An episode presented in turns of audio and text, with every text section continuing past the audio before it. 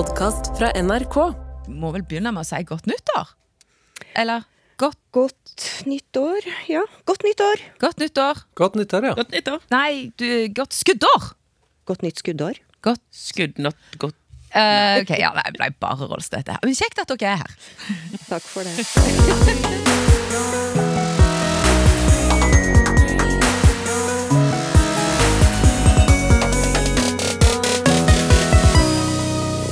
Hva språk er det lurt å starte med om en vil lære mange eller mye språk? Er det skjellig grunn til å tro at da er på vei ut?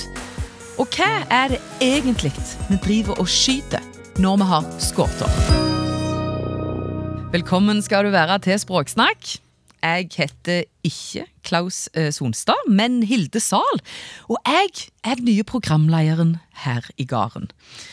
Eh, På Mirk, som var en sånn plass der en chatta i ungdomstida, spede begynnelsen til internettet, da måtte en alltid ut med age sex location når en møtte nye folk. Så her får dere den. Jeg er 41,5, hukjønn, opprinnelig fra Bryne, men har bodd både her og der, og nå i Trondheim, som jeg kaller dette her. Og der må jeg si at det er kjempesnedig, eh, for folk reagerer fremdeles på det, at jeg bor i Trondheim, og så høres jeg sånn ut. Men altså, det er jo kjemperart. Folk, folk pleier jo ikke å endre måten de uttrykker ja, både sitt helt innerste og ganske helt ytterste jeg på, bare fordi de flytter. Altså, gjør de det? Vi holder jo på dialekta. Um, jeg snakker jærsk. Eh, Det er en av veldig mange ting vi ikke får gjort noe med. Og folk klarer jo å forstå Erling Braut Haaland uten teksting. Så da håper jeg at det går bra med meg òg. Heldigvis sitter jeg ikke her alene. Det er veldig lurt. Eh, vi har for eksempel med oss Anjo Greenall. Hei, hei, velkommen. Hallo, hallo. Professor i det engelske språket ved. NTNU. Hvilket ord er det som har vært størst i tankebobla di i dag? Oi, oi, oi. Eh, kulde. Det var, det var 15 minus når jeg kom opp hit. De kjenner du. Jeg kjenner det på kroppen. Ja. Eh, Bokstavelig talt. Ja, ja, ja. Ja, det har, ja. Og det er på en måte bra. Ja. Um, vi har òg med oss Jan Svennevig. Hei, hei, hallo. Hei, hei. Professor i språklig kommunikasjon ved Universitetet i Agder. Stemmer. Har du kommunisert noe språklig som du var særs nøyd med i det siste? Ja, ja, jeg kommer løpende rett fra forelesning med helt nye studenter, så da er man jo alltid litt spent. Åssen kommer dette her til å gå? Kommer, det til, kommer noen til å si noe i det hele tatt? Ja. Så jeg er vel iallfall godt fornøyd med at vi fikk litt dialog i klasserommet, ja. Og du fikk det i gang. Ja, Lover veldig godt for resten av semesteret. ja det er alltid veldig betryggende. Men er det, så, er det sånn at det er mange i en forelesningssal som er opp med hånden og lurer på ting? Nei, det er jo det, da. Øh, Det må være liksom en viss øh, mengde for at det skal ikke bare er den ene som alltid rekker opp hånda. Ja. Og det var det heldigvis i dag, så jeg var veldig glad. Jeg pleier å være hun som begynner. Sitter fremst og rekker mye opp hånda.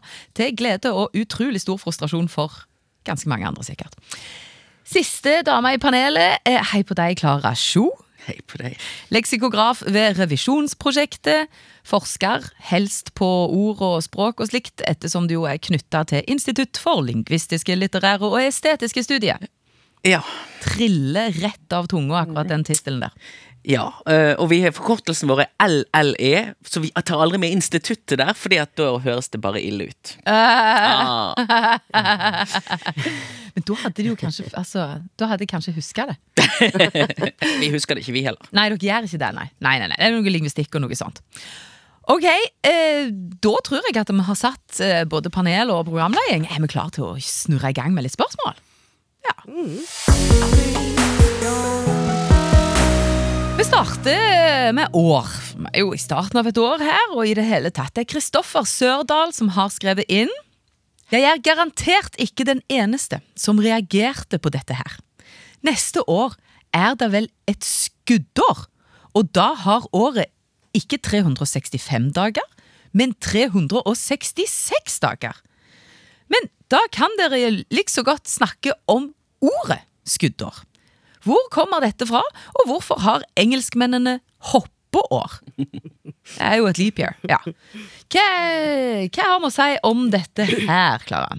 Overraskende mye viste seg å dykke ned i dette. Um, jeg skal jeg skal prøve litt å begrense meg. Skuddåret, som vi vet, et år som har en ekstra dag i seg, og vi putter den i februar av en eller annen mystisk grunn. Norske ordet skuddår, sammen med svensk og dansk, som også har samme si, metaforen her, skuddår, skuddår og skottår.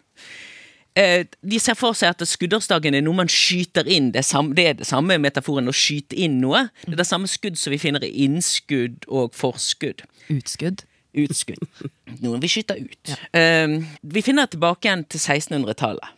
Så eh, ganske gammelt. Men på engelsk da tenker de på en annen måte, og da skal jeg eh, la engelskfilologen få snakke. ja. Jo, hvorfor kaller man det leap year på engelsk? Eh, det, det, er jo det at en, et vanlig år er jo på 52 uker og én dag. Sånn at da blir det sånn at eh, hver dato i kalenderen vår beveger seg framover med én ukedag per år. Sånn at for eksempel hvis bursdagen din er på en mandag i år, så blir den på en tirsdag neste år. Året etter der igjen så blir det på en onsdag.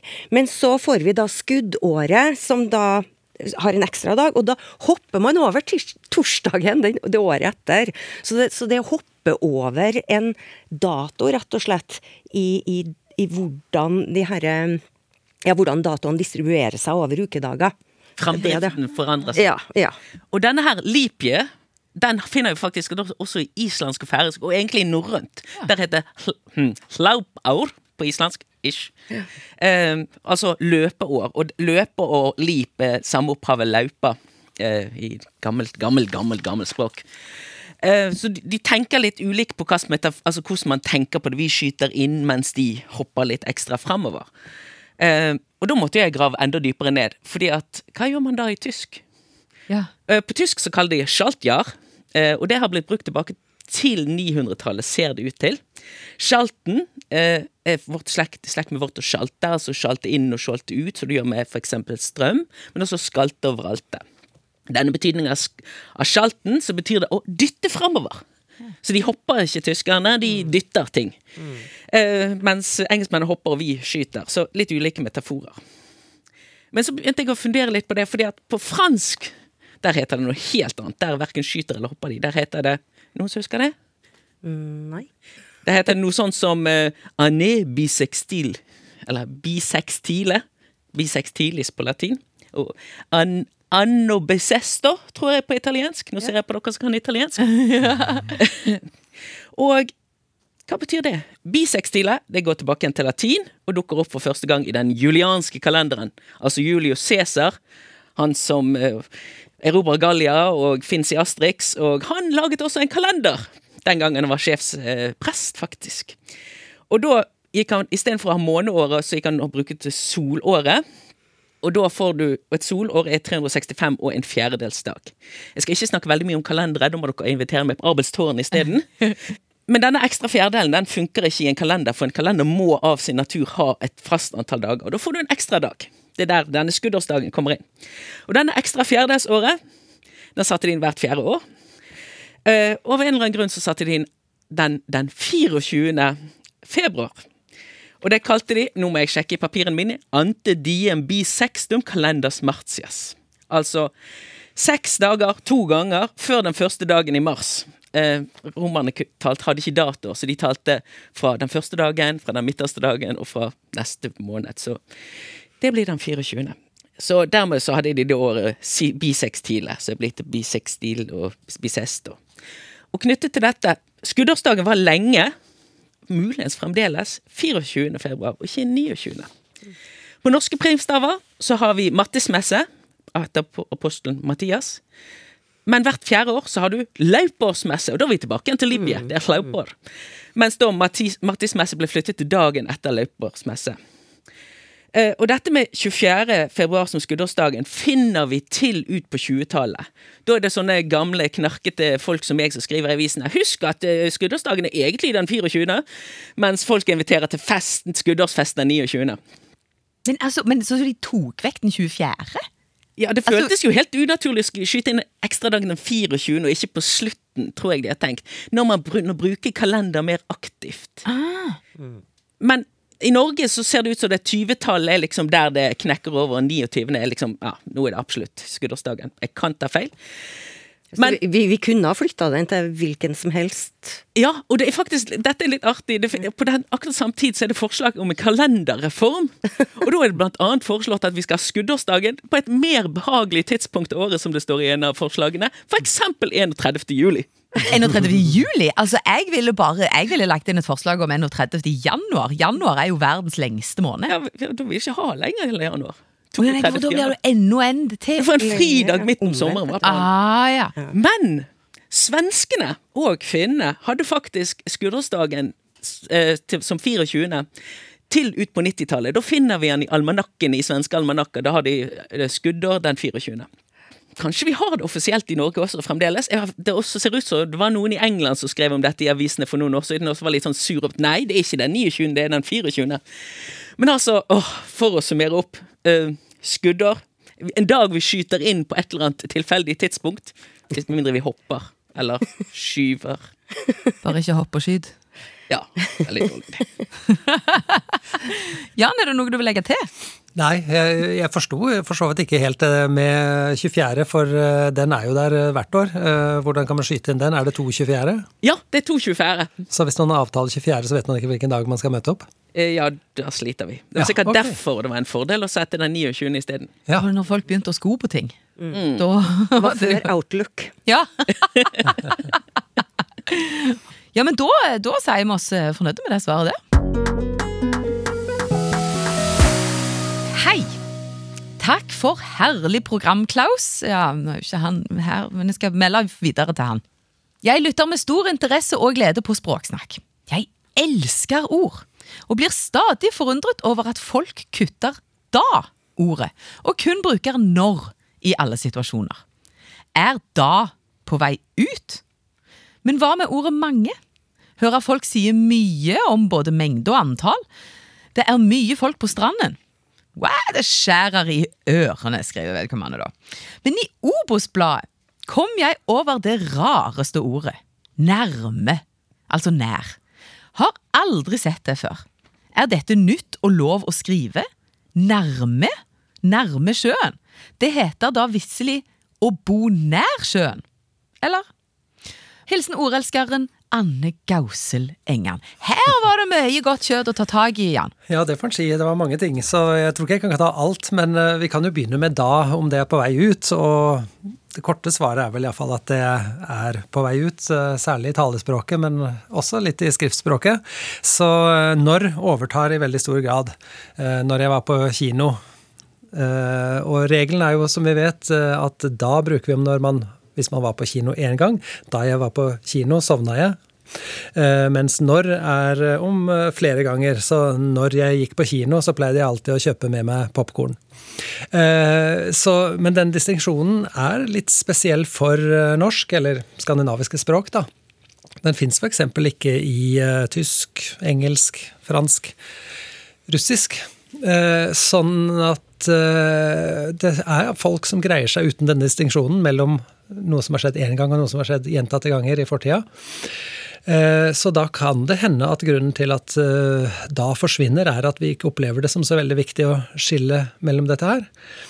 Eh, Dette her er jo en ting som mange ofte pleier å klage mye over, at folk ikke kan forskjellen på da og når lenger. Ja. Og når jeg hører om det, så er det som regel i den forbindelse at folk klager over at denne distinksjonen blir borte. Det er sjelden at jeg hører at noen sier at å, jeg misforsto helt hva han sa, fordi at han brukte når og ikke da, og dermed så eh, forsto jeg noe helt annet. Eh, Så, så jeg tror ikke egentlig at det skaper noen store problemer for kommunikasjon, eh, at, vi, eh, at folk ikke tar den, opprettholder den distinksjonen så godt lenger. Jeg tror kanskje heller det er noe som folk som har slitt og jobba med å lære seg den distinksjonen, da begynner å irritere seg over når andre ikke gjør det. Men kanskje blir vi litt fornøyd også når vi kan hovere litt og si at å, folk kan ikke dette lenger, men jeg kan det. Det er noe med det der, vet du. Ja, ja, ja. Ja, ja. Men eh, det var nå den. Og så var det, hva mer var det? Det var noe om nærme, tror jeg iallfall jeg kan si litt om. Og det er jo riktig at eh, adjektivet opprinnelig heter nær, og så er det det at eh, Og ikke nærme. Man bor nær sjøen. Eh, Men det rare er jo at i komparativ og superlativ så heter det nærmere og nærmest. Så der kommer det inn en M. ja. Så det som har gjort at vi får nærme som et adjektiv, eh, i positiv formen, det er jo at man har på en måte tatt denne M-en fra komparativ og superlativ og flytta den tilbake til grunnformen. Så det er en slags, ja, i lingvistikken kaller vi det reanalyse. At folk tar denne M-en og lager en systematikk der hvor det ikke egentlig var en systematikk. Det er jo på en måte en uregelmessig bøyning fra nær til nærmere. Men uh, hjernen vår liker systematikk, og da hender det at vi lager nye systematikker sånn at vi lager en ny form som nærme. Så nærme finner vi nok mye i særlig muntlig språk, da, men det som denne innskriveren skriver, så kommer det jo inn i eh, Obos-bladet og andre steder også. For altså, jeg som jærbu, da. Eh, vi sier jo Nimme. Eh, altså, det er, det er, han som bor eh, Nimmesjøen. Ja. ja. Er ikke det nede ved? Nei, det, det kan være nærm oh, ved òg. Ja. ja. ok. Ja. Begge deler. Ja, altså, jeg mener det, altså, I min forståelse av det, så har det alltid vært nær ved. Ikke nære ved. Nei. Nede ved, altså. Ja. Men det kan hende de har smeltet sammen, disse to. Mm. Altså ja, denne der... bøyningen, eller M-en fra bøyningen og den nær ved, som også er en ganske vanlig konstruksjon. For så skulle jeg til å spørre om at det var noe forskjell på nynorsk og bokmål på dette her, Anne, At en kunne si det tror jeg ikke, men det er klart at uh, din preposisjon er uh, med ja. og ikke ved. Så ja. der, der, blir det jo iallfall en interessant sånn uh, sammensmelting av nær med uh, til nærme. Ja. ja. Nimme. Mm. Ja. Ja, det var på det nimmeste vi kom til dette. til si. Men altså, så vi har lov å si at vi bor nærme, altså. Og lov til å skrive det også. Har lov å skrive det òg! Ja, så, wow. ja. Ikke måte på. Det var jo en slags trøst, det. Mm.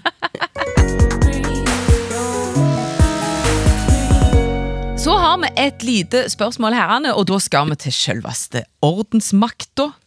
Oh yes. Jo, det er et spørsmål her fra noen som dessverre ikke har skrevet navnet på. Det er veldig hyggelig hvis dere signerer med navn.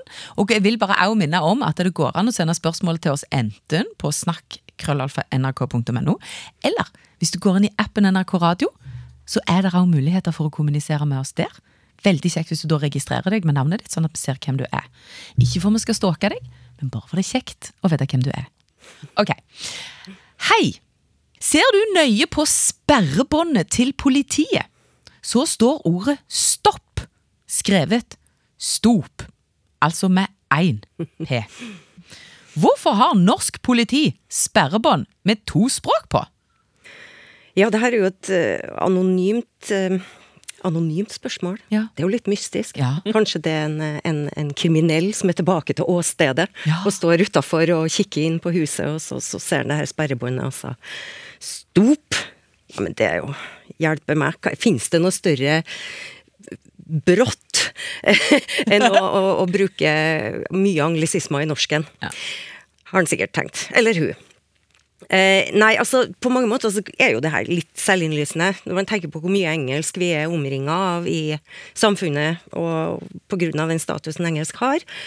Eh, men jeg, jeg, ble jo nysgjerrig, så jeg måtte jo da eh, skrive til politiet for å forhøre meg hva de tenker. Eh, og, eh, skrev, så jeg skrev til Politiets fellestjenester og fikk svar fra pressevakt der.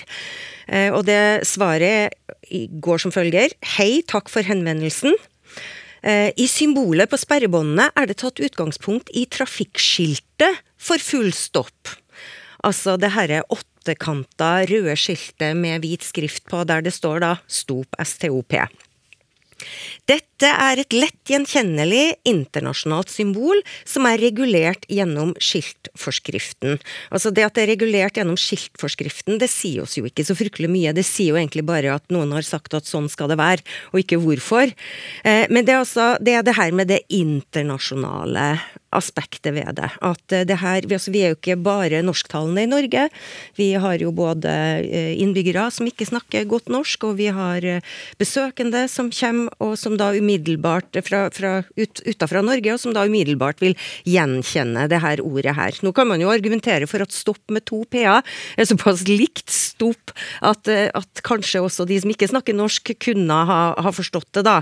Men, men likevel. Altså det her er jo, altså stoppskiltet er jo et av de mest kjente trafikkskiltene i hele verden. Altså både når det gjelder visuell utforming, og så det her ordet stopp, da det engelske ordet.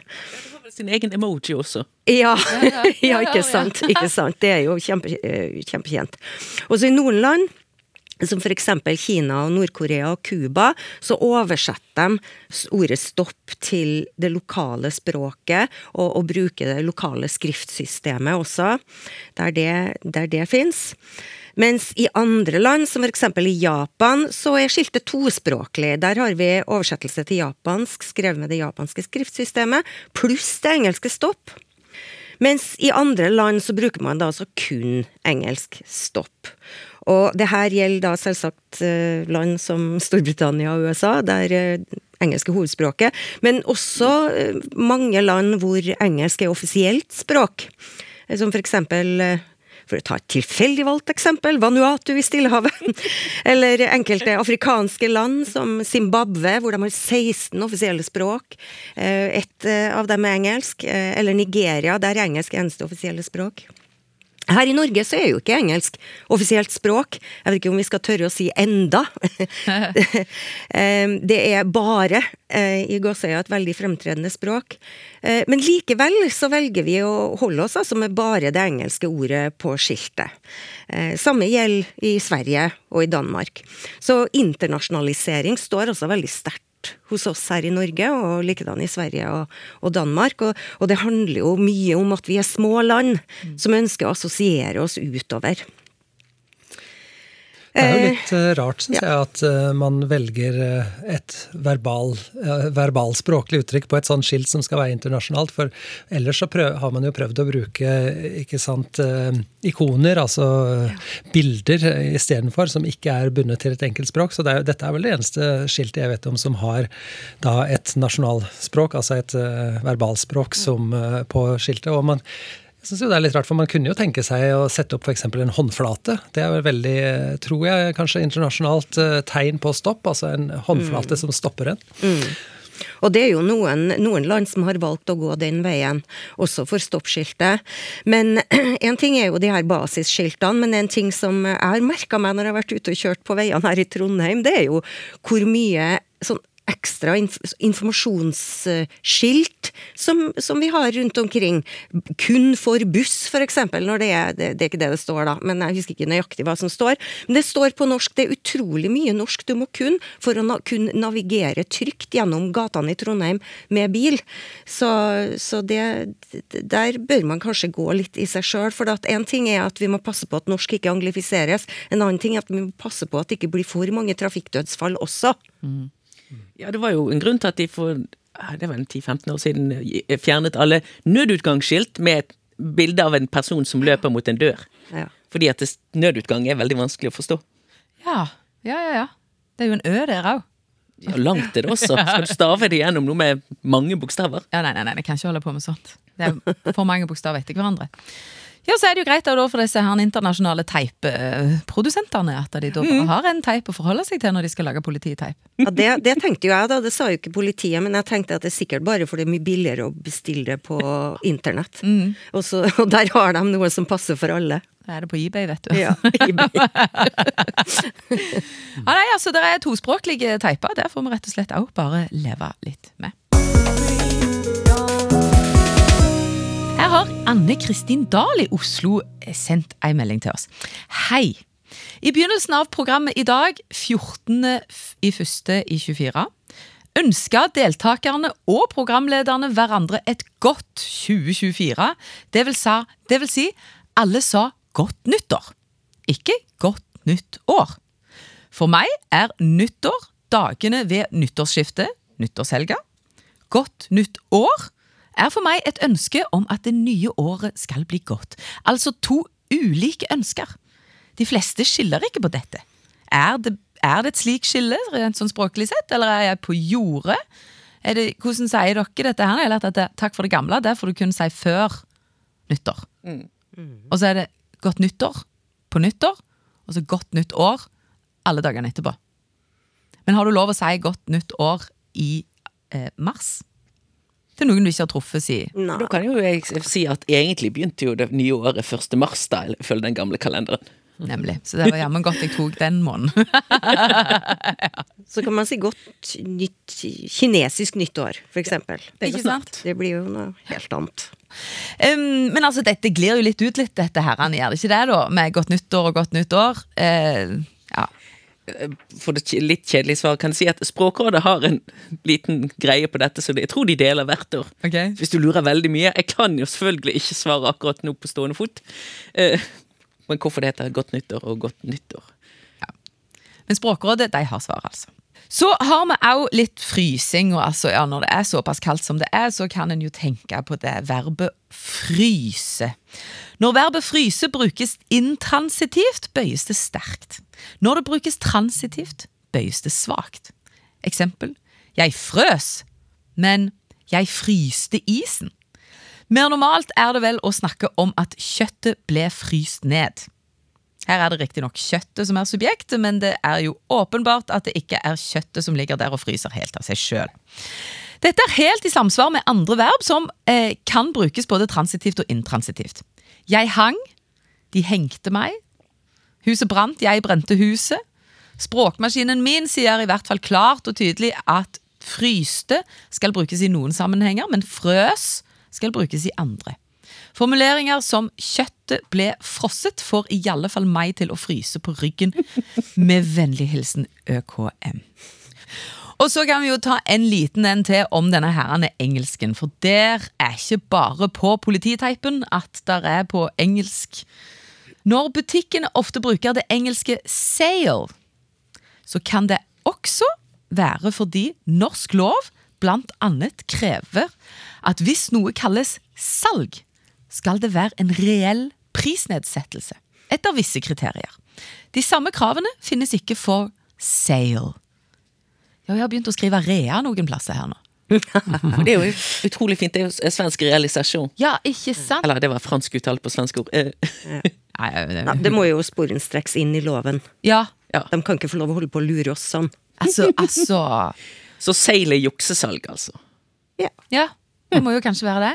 Hvor er Forbrukerrådet sin språkinstans? Jeg må ringe til deg etterpå her nå.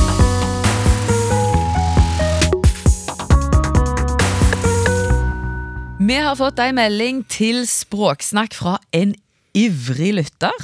Hei, ivrig lytter, men det er en yndlingstype lytterne våre. Har dere en god forklaring på ordet skjellig? Ja, nå er vi over på noe annet. Er usikker på hvordan ordet skal bokstaveres, og har bare hørt det i forbindelse med straff straffesaker. Altså skjellig grunn til mistanke. Takk for podkasten i dag, og, ønsker, og gode ønsker for et nytt språksnakk. Med vennlig hilsen Gislaug Hoff. Ja, her, Klara, får vi hoppe inn på denne skjellige. Ja.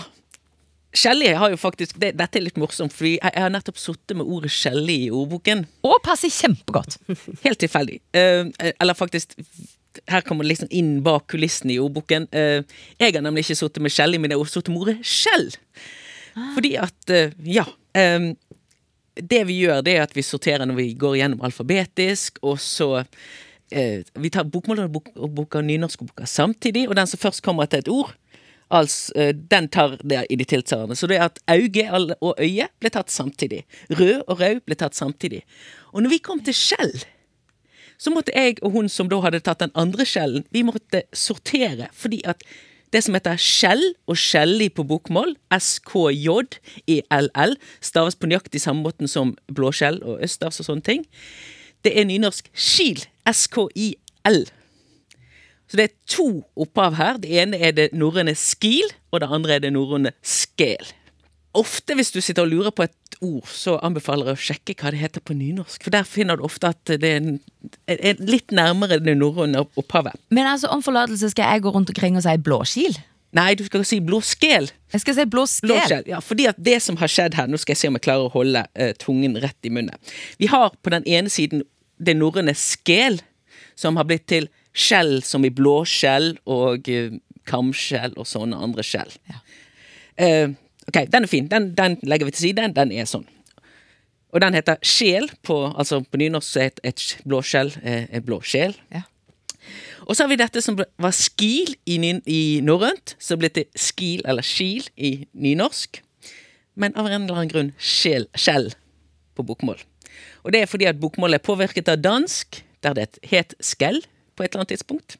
Og det er det samme som vi har i svensk sjel. SK-A med dotter på og L. Altså, det norrøne skil betyr, eller betydde, vett og forstand. Og vi finner det også igjen i engelsk skill. Uh, og på islandsk og færøysk så fins det i blant annet at du skil, du forstår noe. Eller skil, da. Kan skildre være med der? Ja, og skille på norsk er også det det er blitt til. Ja.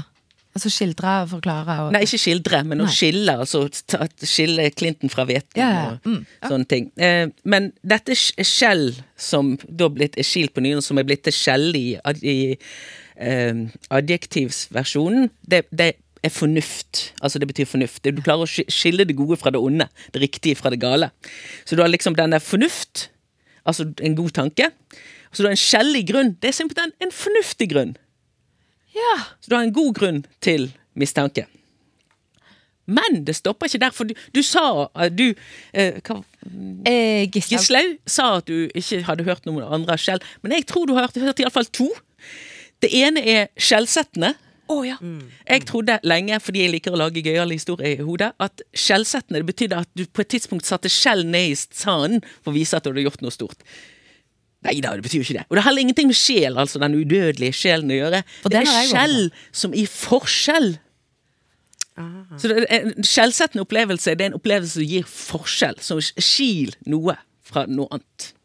Og det er også den som vi håper at vi kommer til skjells år og alder, er også en sånn greie med dette. Altså, det du kommer til, er jo fornuftens alder. Vi Skjellig grunn, skjells og alder.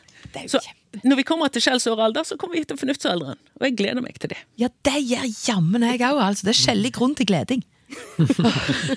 er ikke lov å si det? Å, jeg ble nesten helt andpusten, jeg. Men altså, det der var jo Nå forsto jeg jo noe. Ja. Ja. Men jeg har alltid trodd at skjellsetterne det var det var sjel og involverte, men eh, Ja, for det er det jeg ser. Vi finner en del feilskrivinger på skjell, altså med S-J-E-L-L. Men det er S-K-J-L-L, akkurat som i kamskjell. Ja. Og det samme er skjellig. S-K-J-E-L-L-I-G. ja. Og forskjell. Og forskjell. Som er akkurat det samme. Kjempemessig. Tusen, tusen takk, Klara. Vi har eh, fått et spørsmål her òg, fra Emilie og Fredrik. Og her kjente jeg at jeg begynte å kitle i både hjerne og fingre og i tunga og i det hele tatt, for dette var et sånt spørsmål som den nye programledinga liker veldig, veldig godt. Hei sann, skriver de. Flott program. Vi har en pågående diskusjon om hvilket språk som er det beste utgangspunktet for å lære seg nye språk med riktig uttale. Hva tenker dere? Alt godt fra Emilie og Fredrik. Og jeg er jo av eh, eh, den legningen at jeg har jo drevet med språk eh, lenge før jeg begynte på skolen. Sånn blir det når du har tysklærere av foreldre eh, og måtte reise til Tyskland hver sommer. Jeg kan ikke være to måneder på ferie og holde kjeft. Så jeg måtte jo bare lære meg tysk da etter hvert. Og litt sånn samme greia var det med engelsk eh, i mitt høve. Men altså, hva tenker dere om dette her? Altså, vi kan vel kanskje begynne litt med han herrene som er professor i dette, i språklig kommunikasjon, Jan. Ja, ikke i fremmedspråk, da, men eh, Nei, eh, nå vet jeg ikke helt hva de mener eh, her. Altså, Rent konkret så kunne man jo si at folk som skal velge seg fremmedspråk i skolen, de har jo ofte valget mellom tysk, fransk og spansk, f.eks. Det er vel tre vanlige språk man kan velge mellom mange steder. Og det er jo veldig mange som velger spansk. Og relativt få fransk og nesten ingen tysk, så vidt jeg har forstått. Ja. Og det syns jeg er rart, for eh, vi har jo veldig mange fordeler når vi skal lære oss tysk. Det er jo to veldig nært beslekta språk, og det er mange språklyder som er like. I fransk så er det alle disse nasale lydene som man må slite med og sånn, så iallfall hvis vi snakker om uttale, så har vi nok fordeler med tysk, og, men først og fremst tenker jeg at det er mange ord som ligner, og det er språkstrukturen ligner. Det er en veldig mye lavere terskel å komme seg til opp på et visst nivå på tysk, enn å hive seg i kast med fransk og spansk. Så hvis det er det de diskuterer, så vil jeg anbefale å ta tysk eh, som fremmedspråk. Begynne der, i alle fall, da, hvis etter engelsken, for den begynner jo alle med. Ja, ja. På et eller annet tidspunkt. Eh, jeg har jo syntes synd om de som har tatt spansk, for det at da kommer du ut av det med å kunne kanskje bestille to øl. Men du kan ikke snakke om altså, det viktigste temaet, ifølge mor mi, været. Eh, altså, du kan jo ikke ytre deg i noe særlig grad, som du kan enklere hvis du har hatt et språk du har litt mer basiskunnskap til. Hva tenker dere om det, Anjo, for eksempel? Ja, nei, altså Motivasjon er jo en av de viktigste faktorene for å lære seg et eh, fremmedspråk. Så du har lyst til å lære språket, at du føler du har en grunn til å lære det språket. Men faktisk, når det gjelder en av de faktorene som gjør det lettest for oss å lære et språk som I hvert fall et av de språkene som er typologisk ganske nært vårt eget, det er jo det at det er stort sammenfall mellom skriftbildet og lydbilde. eh, sånn at eksempel italiensk eh, er jo er jo et sånt språk, så kanskje vi skulle, burde ha begynt å lære oss italiensk. Jeg holder jo alltid en knapp på finsk. Finsk har ekstremt godt sammenheng mellom hvordan det skrives og hvordan det uttales. Dessuten er finsk mitt absolutt favorittspråk. Det, det er så nydelig. Mm. Uh, uh, og så er det den herlige kombinasjonen å være Det er et ikke-indropeisk språk, så egentlig ligger det ganske langt borte. Men fordi at det ligger så nært geografisk, så har vi hatt veldig mye lån underveis. Så det, det, det er ganske sånn morsomt på begge, så du ligger litt på begge sider. Du får ganske mye, og så vinner du ganske mye med å lære det. Jeg er jo en av de som uh, tilbringer feriene mine med å lære nye språk. og min policy er jo selvfølgelig at de skal ha god mat.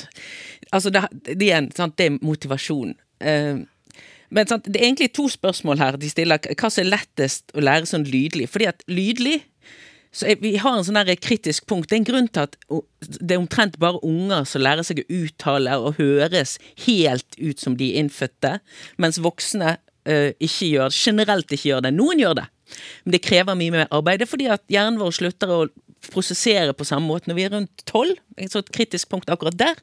Som gjør at det, vi må jobbe mye mer for å få inn det fonologien. Men det er bare uttalen. For et språk er veldig mye mer enn det. Altså det alle ordene. Altså Jeg har undervist eh, massevis av folk som skal lære seg norsk. Og jeg med de å, vi lærer ingenting. Jo da, kom igjen. Et, et, et halvt år på norskkurs, så kan du mer enn en norsk femåring. Og en norsk femåring bruker fem år på det. Ja. Altså Det har jo noe med hvor mye ord du skal inn. Det er bare at du sitter der som en 20-åring og snakker som en 20-åring. Og det, det er slitsomt. Jeg, jeg kan jo anbefale at det, det går lettere etter det fjerde språket. Og viktig, viktig, viktig. Vi, det- vi må ikke ha en, en til forveksling lik morsmålsuttale for å kunne kun kommunisere på et språk, og for, å, ja, for at det skal være funksjonelt for oss, da.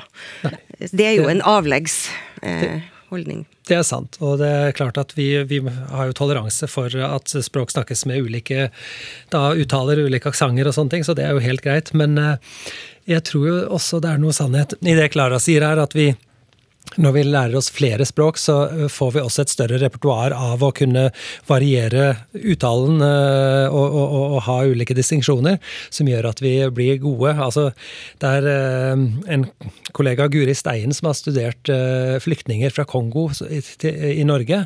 Og veldig mange av dem har fem, seks, syv, åtte språk fra før av. Og det viser seg at de er utrolig gode til å ta den norske uttalen, og til og med sånne vanskelige ting som tonelag, ikke sant? Forskjellen på bønder og bønder, som veldig mange andre utlendinger sliter med, eh, det, det tar de veldig godt. For nettopp de har dette store språklige repertoaret fra før av, og har vært vant til å ja, lytte til og uttale en hel masse ulike distinksjoner. Og i den andre enden av skalaen så er vi vel, kjenner vi vel alle øh, mange amerikanere eller engelskmenn som ikke har lært noe særlig fremmedspråk øh, før, og som da sjelden blir gode til å uttale nye språk. Så de, de prater veldig som amerikanere veldig lenge, og uansett hvor mange år de har bodd i Norge. Men eh, sier vi oss ikke godt fornøyde med det? Flest mulig språk, tidligst mulig. Der har du fasit. Du hører på Språksnakk akkurat nå. Det er veldig hyggelig at du gjør det. Hvis du har lyst til å komme i kontakt med oss, så kan du gå inn på appen NRK Radio. Trykke deg inn på yndlingsprogrammet ditt, som jo heter Språksnakk. Selvfølgelig. Eh, og der er det en liten plass der det står 'send inn'. Der kan du sende inn dine spørsmål på førerhånd. Tusen hjertelig takk. Går òg selvsagt an å sende e-post til snakk.krøllalfa.nrk.no. Men så, vet du, skal vi til Trond, herrene. Hei og takk for et fint program. Jeg har i mer enn en mannsalder vært interessert i språk. Og en av tingene som har irritert meg i tiår etter tiår, er unødvendig anglifisering av språket. Inkludert den sørgelige oppdelingen av ord som mange har lagt seg til. For et par år siden engasjerte min kone og jeg en arkitekt for å tegne et hus til oss. Vi jobbet med romløsninger, og i tillegg til soverom, stue, kjøkken, bod og vaskerom skulle vi ha et rom som arkitekten og min kone, uten blygsel, kalte walk-in closet. Jeg vet ikke om det er det frykteligste engelske låneordet, men fryktelig er det. Jeg vet også at ikke alle er familiære med denne betegnelsen på denne type rom, og kjenner til at noen har tenkt at det er et rom med et vannklosett som man går inn i og forhåpentligvis kommer ut igjen fra når det fornødne er utført. Jeg nektet rett og slett å ta det engelske ordet i min munn, og smakte på mulige norske alternativer som kunne falle godt i munnen. Spasergarderobe! Utbrøt jeg euforisk etter en stund i tenkeboksen. Både arkitekten og min kone adopterte med en gang mitt norske nyord, og senere har verken min kone eller jeg tatt den engelske varianten i våre munner. Bra. De vi har hatt på besøk i vårt nye hjem, har alle smilt og nikket etter å ha hørt hva vi kaller det nye rommet. Resten av det norske folk er imidlertid ukjent med dette nyordet. Jeg sendte en mail til Linda Eide Språkshow med håp om å få dette kringkastet i fjernsynsapparatene i de tusen hjem, men fikk ikke napp. Så da vender jeg meg til radioens språkprogram nummer én. Hva synes Sonstad, et ko, ja, Sal, et ko, da, om spasergarderobe? kan programlederen nå kunngjøre at walk-in closet er død og skal begraves, og at spasergarderobe heretter er det offisielle norske navnet for denne type rom, med vennlig hilsen Trond Tangen Langseth. Anjo? Ja. Har du noe trøst, eller er det bare å mesje seg med? Nei, altså, det, det, er veldig mye følelser ja. i, i, det her, her, her. Det er jo alt fra da irritasjon til eufori. Ja. um, kan vi legge olje på vannet her på noen som helst slags måte?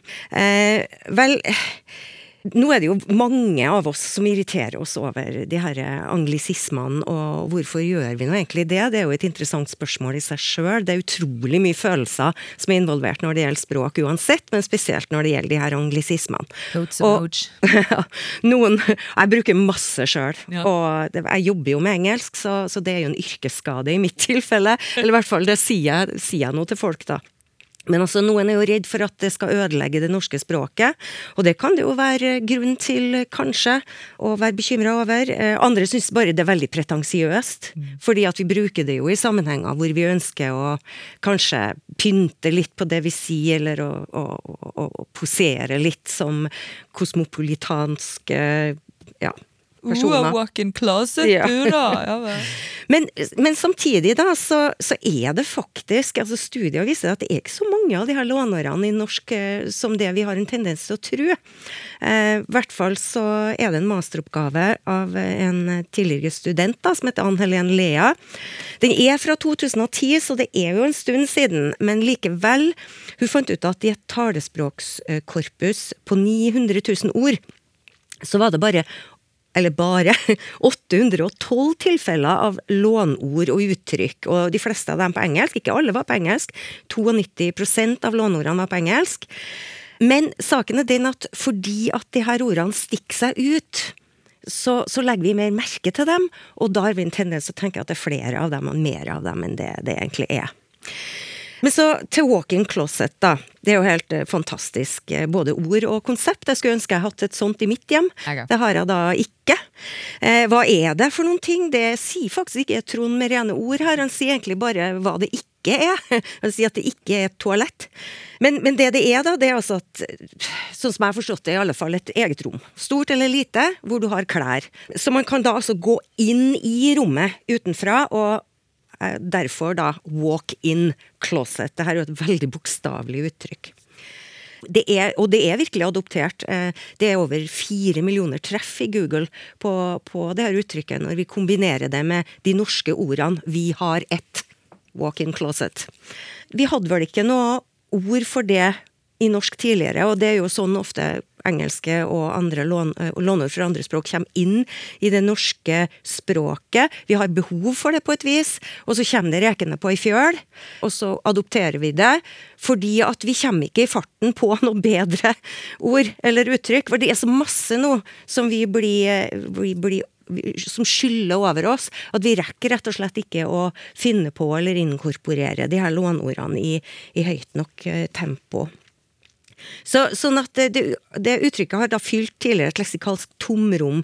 Og så En annen grunn til at vi adopterer låneord, eh, er jo at eh, det er da engelsk prestisjefylt språk, og vi ønsker å, å, å trekke veksler på det. Og så når et walk-in closet i seg sjøl er et litt sånn prestisjefylt konsept. Så vi kan tenke Kardashians her, f.eks.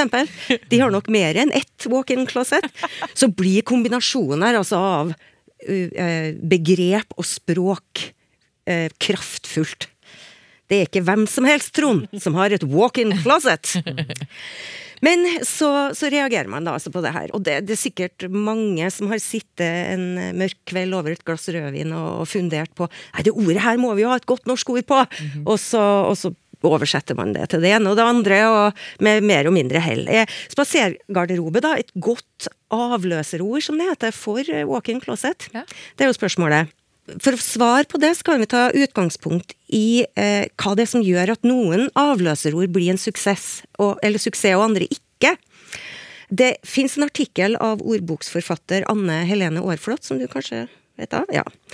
I, i den artikkelen så sier jeg at ett et viktig kriterium er lengde. Et av, godt avløserord kan ikke være for langt. Og walk in Closet er på fire stavelser, mm -hmm. mens spaser, garderobe er på hele seks stavelser. Ja. Så her kan vi kanskje mm, Ja, det, det, oppfyller ikke det kriteriet, da. Så har vi betydningen av ekvivalens, altså en semantisk eller meningslikhet med det opprinnelige engelske ordet. Det er også viktig. Altså, vi har en tendens til å forkaste ord som er for forskjellig meningsmessig fra det opprinnelige ordet. Og et walk-in closet, ordet her, det betyr Her har vi en sånn bevegelse utenfra og inn i rommet. Mens spasergarderobe, der, der ser vi for oss en bevegelse som foregår inni rommet. Så her er det kanskje litt tvil om det ekvivalenskriteriet er oppfylt, da. En annen viktig ting er gjennomsiktighet. Altså, ordet må veldig tydelig og klart og bokstavelig beskrive hva det er snakk om. Og, og walk in closet er jo et veldig bokstavelig begrep. Du går inn. Mm. Spasere rundt inni Så det å spasere, det er jo å gå tur. Og det gjør man jo kanskje ikke inni et rom. Uh, uansett størrelse. Altså, Da er det lange steg og hatt. Ja, ja ikke sant. Sånn at jeg er litt usikker også på det kriteriet. Uh, jeg begynte jo å tenke litt sjøl. Hva kunne man kalt det her? her? Garderoberom, kanskje? Ja. ja garderoberom. Eller hva med, hva med bare garderobe?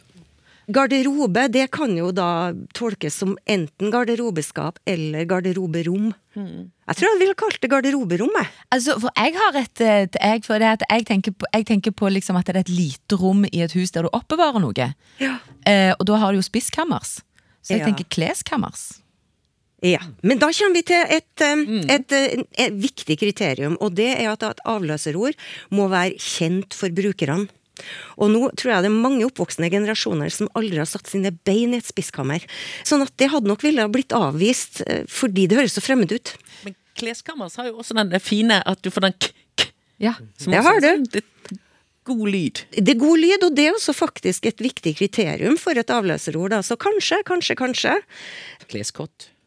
Kleskott. Ja. Kleskott. Det er jo så litt gammeldags. Ja, og så er det, kott er veldig litt sånn, det, det er ikke like fint som et kloss. Nei, Nei det kan være du må krype inn, da. Mm, kott. Hva sa du, Jan?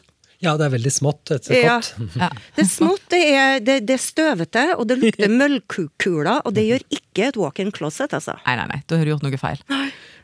Men vi har, vi har vår egen garderobe, vi har et eget garderoberom. Jeg syns det fungerer bra, ja. Altså, meningsinnhold er jo dynamisk. Mm.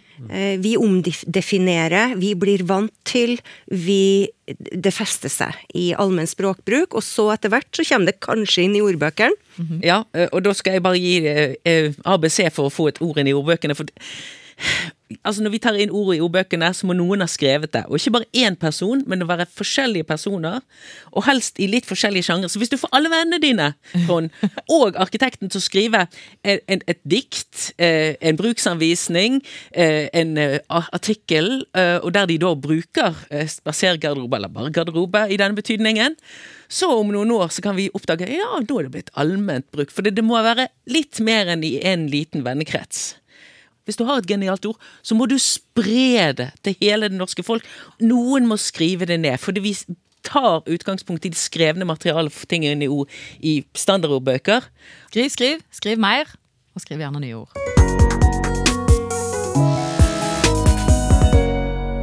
Du hører på Språksnakk akkurat nå. Eh, panelet er veldig godt oppvarma, om rekker vel ett siste spørsmål her i dag. Rudi Kessel har sendt en melding til oss og skriver at i forbindelse med en brann i Oslo har det vært et nasjonalt fokus på Oslogata som heter Grensen. Det interessante med dette ordet er at det har skiftet tonem fra to til én, ettersom gata i en periode utgjorde grensa mellom byen og omlandet, altså grense med tonem to. Jeg har lurt på hvorfor dette skjedde, og har en teori med stikkordet 400-årsnatten, altså dansketiden som satte sitt preg på språk og kultur i Kristiania. Til forskjell fra svenskene oppfatter danskene ikke det norske tonem, for fenomenet finnes ikke på dansk. Riktignok har danskene sitt mystiske støv. Ved en ørliten sleng på drøvelen lager de et mikroskopisk avbrudd i lydstrømmen, noe som ingen i verden kan høre, unntatt seks millioner dansker. Men dette stødet, det er ikke et tonem, for det handler ikke om tone, tonehøyde, holdt jeg på å si det. Tonehøyde! Dansker og etter hvert fordanskede nordmenn i Kristiania hørte altså ikke forskjell mellom de norske tonemene. Eh, Så, så det er grunnen til at grensen, eller grensen, mistet sitt opprinnelige norske tonelag. Hvis den teorien har et snev av riktighet, skulle man tro at det fantes flere norske ord som mistet sitt opprinnelige tonem under dansketida. Er det tilfellet, lurer Rudi på. Vi har Anne Jan Svennevik her iblant oss, som kan svare litt sånn halvveis fornuftig på dette. Ja, jeg kan eh, vel si noe iallfall. For eh, nå er det nok ikke sånn at dansketida påvirka så veldig mye uttalen av ord. Altså det, er mye påvirkning på skriftspråket og på f.eks. hvordan man skriver navn, egennavn. Det er jo veldig mange etternavn som har mye rare skrivemåter som ikke ligner på norsk uttale, men som er av at det har vært eh, danske embetsmenn som har skrevet dem ned. Men det er først og fremst skriftspråket som danskene har påvirka, og ikke så mye uttalen, tror jeg. Likevel så er det jo noe i dette her at denne grensen, eh, den var jo grensen mellom dette, den danske byen Kristiania, som ble grunnlagt av Christian Kvart, eh, og omlandet. Så det er jo noe med dansketida har det å gjøre. Og her må vi jo da også si at uttalen som han sikter til her, når han snakker om tonem 1, eller tonelag 1, som man også sier, eh, det er altså uttalen grensen på, i, på Østlandet. Grensen, og ikke grensen.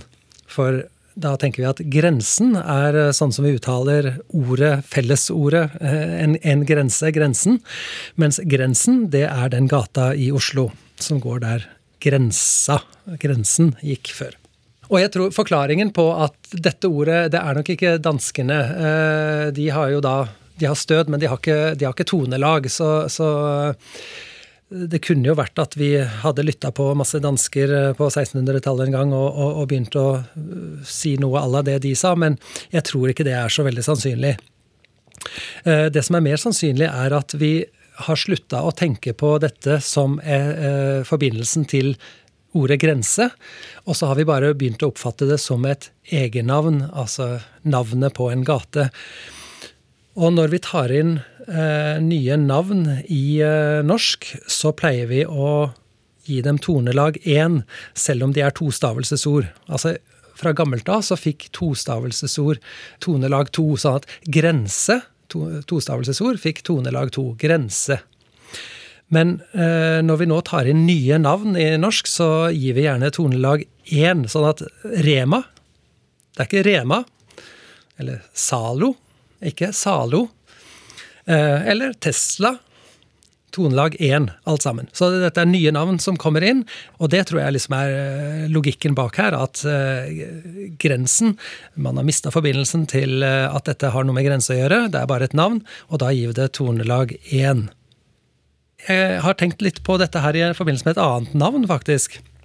Og det er, som også har med Oslo å gjøre, og det er uh, Ruter som dere stadig hører om, særlig i disse dager hvor det er så mye kaos i trafikken. Snø og problemer med Da får vi stadig meldinger fra Ruter om eh, problemer. Og det er klart, dette navnet her, det ble nok laget med utgangspunkt i at det som var felles for mange for trikk og T-bane og buss og sånn, var at de gikk i ruter.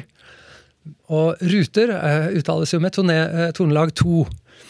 Men eh, da det ble et navn på et trafikkselskap, så begynte man veldig fort. I begynnelsen så hørte jeg noen som sa Ruter, og noen som sa Ruter, men det ble veldig fort eh, etablert som Ruter.